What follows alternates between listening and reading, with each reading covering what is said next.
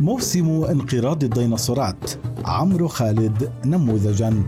أحمد متاريك منذ أعوام مضت كففت عن عدها جاء علي يوم وقفت فيه ساعات طويلة أمام إحدى بوابات جامعة المنصورة في مصر ضمن حشود هادرة أغلقت الطريق وأعاقت حركة السيارات في انتظار قدوم ملهم جيلنا الأول وقدوتنا الرئيسية حينها.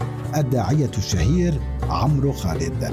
لم أرى عمرو خالد وقتها ولم أره مباشرة ابدا. لكني حينها كنت حاصلا على دكتوراه في برامجه ما جعلني الأقدر على خوض نقاش ساخن مع كل المحيطين بي. في هذا العمر لم أفوت له حلقة في التلفزيون ولا مقالا في جريدة حتى المنتدى الذي انبثق من الموقع الذي يحمل اسمه كنت عضوا نشيطا فيه. أكتب المقالات التي تدافع عنه أفرغ محتويات حلقاته وأتحدث عنه في جلساتي مع أصدقائي وأهلي. لم يتوقف هوسي به على العالم الافتراضي الذي كان طفلا يحبو وقتها بل امتد إلى أرض الواقع. لا تؤذون بدخانكم أيها المدمنون. على هامش برنامجه الشهير صناع الحياة أطلق عمرو خالد حملة اجتماعية شهيرة حملت اسم لا تؤذون بدخانك. دعت إلى طبع منشورات تطالب المدخنين بالإقلاع عن تناول السجائر هنا لم أكتفي بمجرد توزيع المطبوعات على الناس العاديين وإنما اخترت الطريق الأصعب بدافع من إيماني المطلق بأنه علي تغيير العالم قبل أن أتم الخامسة والعشرين حتى أتفرغ بعدها لإصلاح الفساد الذي عم كواكب المجموعة الشمسية. ذهبت إلى المقاهي والغرز والمقابر المجهولة التي يتجمع فيها مدمنو المخدرات. حتى الآن أستغرب هدوء رواد تلك الأماكن الموبوءة معي. كيف تحملوا صبر فتى صغير يقتحم عليهم القعدة؟ ليحدثهم بصوت مرتجف عن ضرورة التوقف عن التعاطي لأنه حرام قبل أن يتمادى ويوزع عليهم ملصقات الحملة ثم يثبت بعضها على الحائط. لماذا لم يضيق صدر أحدهم بما أفعل فبادر إلى ضربي أو طردي لا أجد تفسيرا لنجاتي سالما من تلك المغامرات إلا أنها إرادة الله الذي ألقى السكينة على قلوبهم رأفة بذلك الأحمق المتحمس اليافع. الخسارة الوحيدة التي منيت بها من هذا النشاط هي تمزيق بعض الملصقات بعد فترة قصيرة من مغادرة المكان. هكذا كنت أحد المتيمين بتجربة عمرو خالد ولم أكن وحدي طبعا بل شاركني الآلاف من شباب جيلنا هذا الشعور. ذلك الشعور الذي بددته الحياة بمرور الوقت والتجارب فذاب تماما كقطعة سكر ألقيت في بحر ولم تبقى منه إلا حلاوة الذكريات ومرارة الحاضر الذي أصبح ملهمنا الأكبر. أصداء الصحوة. لفهم ظاهرة عمرو خالد سيكون علينا أن نعود إلى نقطة الصفر لحظات التنشئة الأولى لجيل ثمانينيات القرن الماضي المنكوب. نحن جيل جاهل. لا مفر من الاعتراف بهذه الحقيقة. نشأنا بغالبيتنا في مدارس حكومية متداعية. لم نشاهد إلا قنوات تلفزيون الدولة ثم محطات فضائية محدودة العدد والجودة في مراحل متقدمة من حياتنا. في القرى التي خرجنا منها لا توجد مكتبة ولا سينما ولا قصر ثقافة ولا ناد. نحن النتاج الطبيعي لدولة مبارك التعسة. التي قضت أعوامها الثلاثين في تجنب القيام بأي محاولة لإصلاح البلاد والعباد. مدرسون أغلبهم غير مؤهلين وفضاء اجتماعي نتوق إلى الهرب منه ولا نجد فيه ملمحا واحدا يسد ريقنا الظامئ إلى التعرف على من حولنا. ولاحظ هنا أن خدمة الإنترنت لم تكن غالبيتنا تعرفها وكانت بالكاد خيالا علميا لم أعرفه إلا في المرحلة الثانوية مساجد عدة لا تقدم أي شيء جدير بالتفكير ومكتبات فقهية هزيلة غير مسموح بقراءة محتوياتها وشيوخ ضيقوا الصدر غير مستعدين لمناقشة أحد فقط يلملم سجادتهم عقب كل صلاة ويسرعون في مغادرة المكان. بعد أن تنتهي من مدرستك وواجباتك الدراسية تكون أمامك خيارات محدودة للغاية لتفعلها. تضاعفت الأزمة حينما تدرج أصحاب العقول الخاوية في المراحل الدراسية التي لا يتعلمون فيها شيئا حتى اخشوشنت أصواتهم ونمت الاشنبه الزغبية فوق شفاههم وباتوا على مراتب الرجولة في هذه الفترة كانت أصداء الصحوة الدينية السعودية تخترق مجتمعاتنا ببطء وفي غياب أي مقاومة ثقافية أو دينية اكتسحت العقول تدريجيا وخلفت اثارا لا تمحى في حياتنا. أهمل الاستماع إلى القرآن بأصوات الطبلاوي والمنشاوي لصالح الحذيفي والسديسي.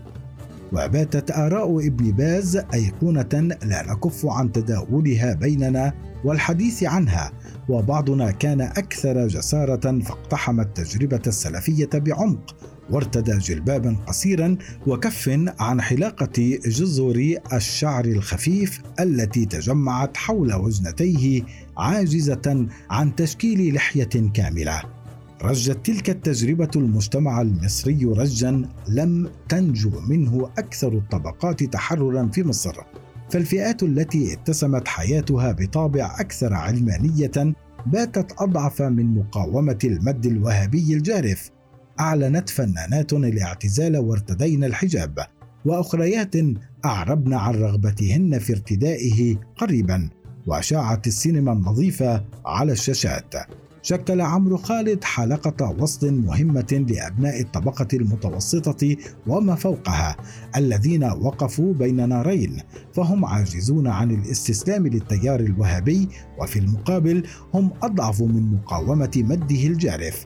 هنا جاء دور داعية شاب بلا لحية يرتدي الملابس الأجنبية الأنيقة ولا يتحدث إلا بالعامية المصرية هو عمرو خالد. بلهجة قصصية شيقة كان قادرا على رواية مرويات من حياة النبي والصحابة وكلها أحداث جميلة ناعمة كالقطيفة برؤية سلفية معتادة. ترى أهل القرن الأول جميعا وديعين صالحين يجب أن نقتدي بهم ونذرف الدموع كلما سمعنا أسماءهم. لا دماء لا غزوات لا صراع على مصالح ولا جرائم. جنة الله في أرضه بعثت في المدينة ومكة حيث بشر معصمون غارقون في العبادة والأخلاق الحميدة حتى يخيل لك أن جناحين أوشكا على الخروج من جوانبهم والتحليق بهم في السماء كالملائكة. قدم خالد تلك الرؤية بلمسة مصرية استعراضية قلدته عرش الزعامة بلا منازع.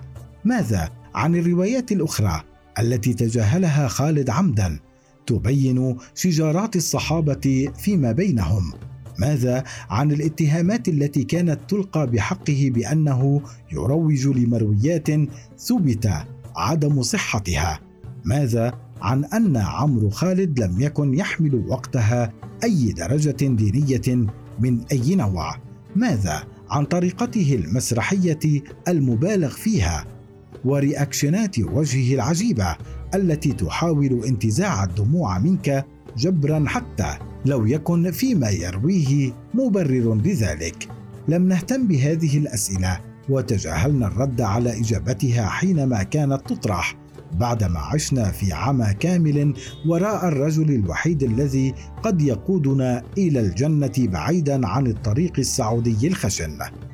اللمسة السحرية الأخيرة مع تعاظم شعبيته أصبح اسمه على كل لسان. أكبر جرائد الدولة تتسابق في ترويج لاسمه وصورته وتنشر مقالاته وتعلن عن كتبه الجديدة.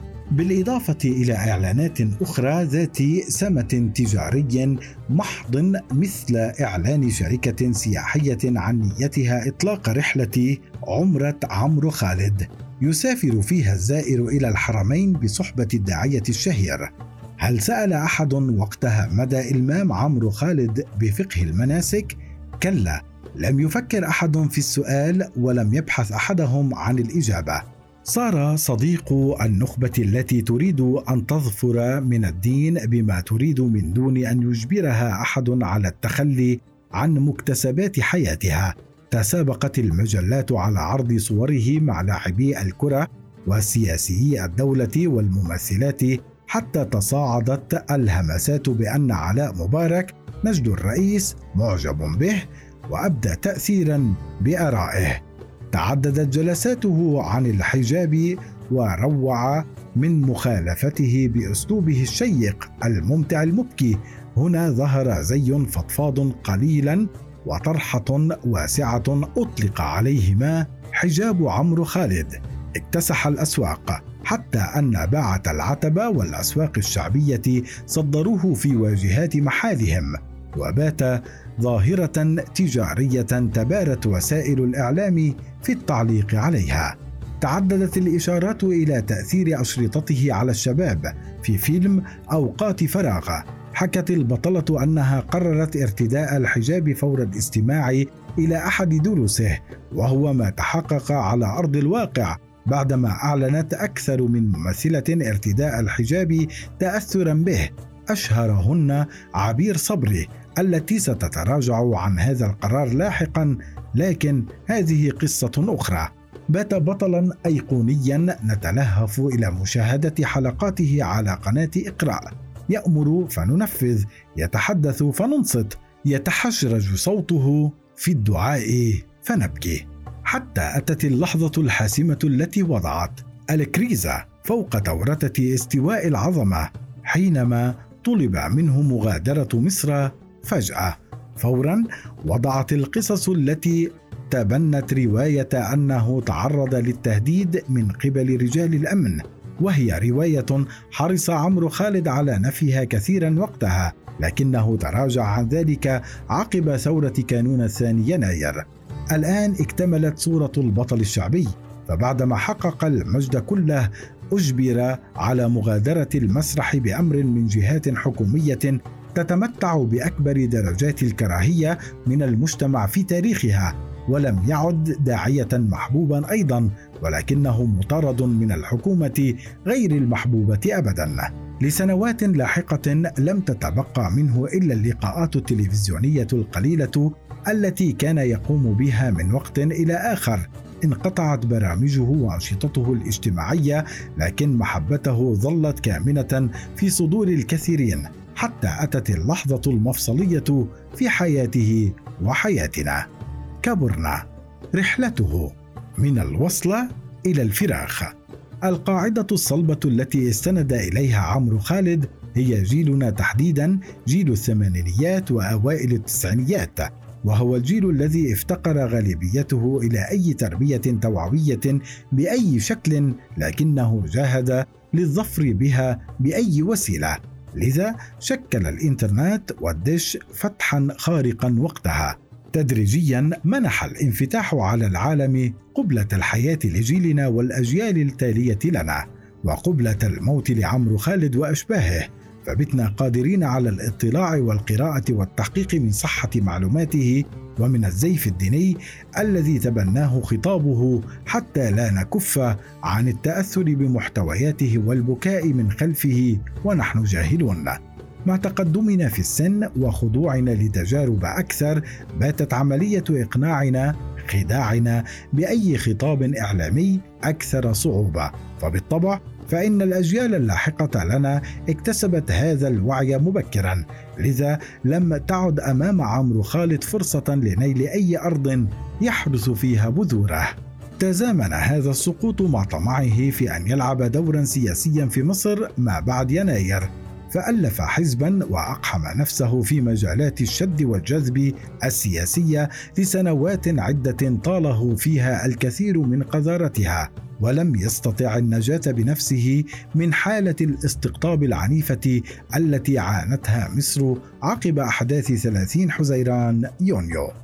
سقط من برجه العاجي في أفئدتنا إلى رصيف الشارع المترب بعد أن زالت هالة الانبهار من حوله وبات علينا أن نعامله بشكل مختلف وأكثر واقعية لنضرب مثلا على ذلك ففي عصور الغيبة الثمانينية قام عمرو خالد بإعلان تلفزيوني لصالح شبكة القنوات التي يعمل فيها. والتي كانت تحتكر أهم الأحداث الرياضية العالمية وهو احتكار ضربه فنيون غلابة عبر اختراع ما عرف بوصلة الدش التي كانت تزود الفقراء بما يشاءون من قنوات باشتراك زهيد. خرج خالد في إعلان طالب فيه المصريين بالكف عن هذا الأسلوب.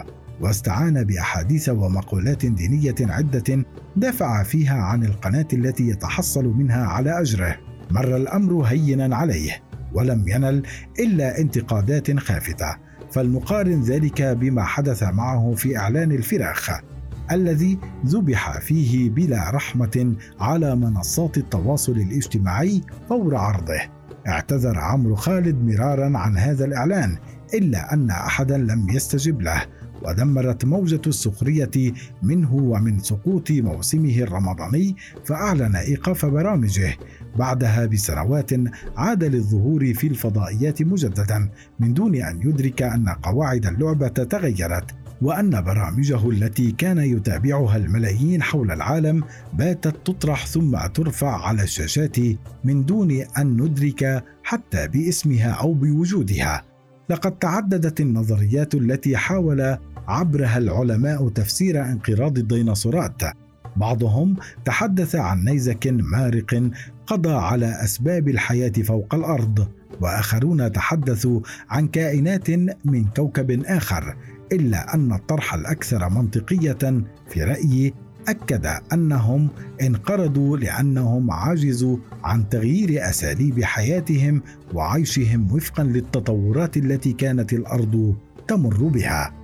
أتت على الديناصورات لحظة باتوا فيها خارج الزمن وهي حقيقة لم يستسلموا لها وجاهدوا للبقاء طويلا لكنهم انقرضوا في النهاية وهي الحقيقة التي لم يتعلمها عمرو خالد حتى اليوم.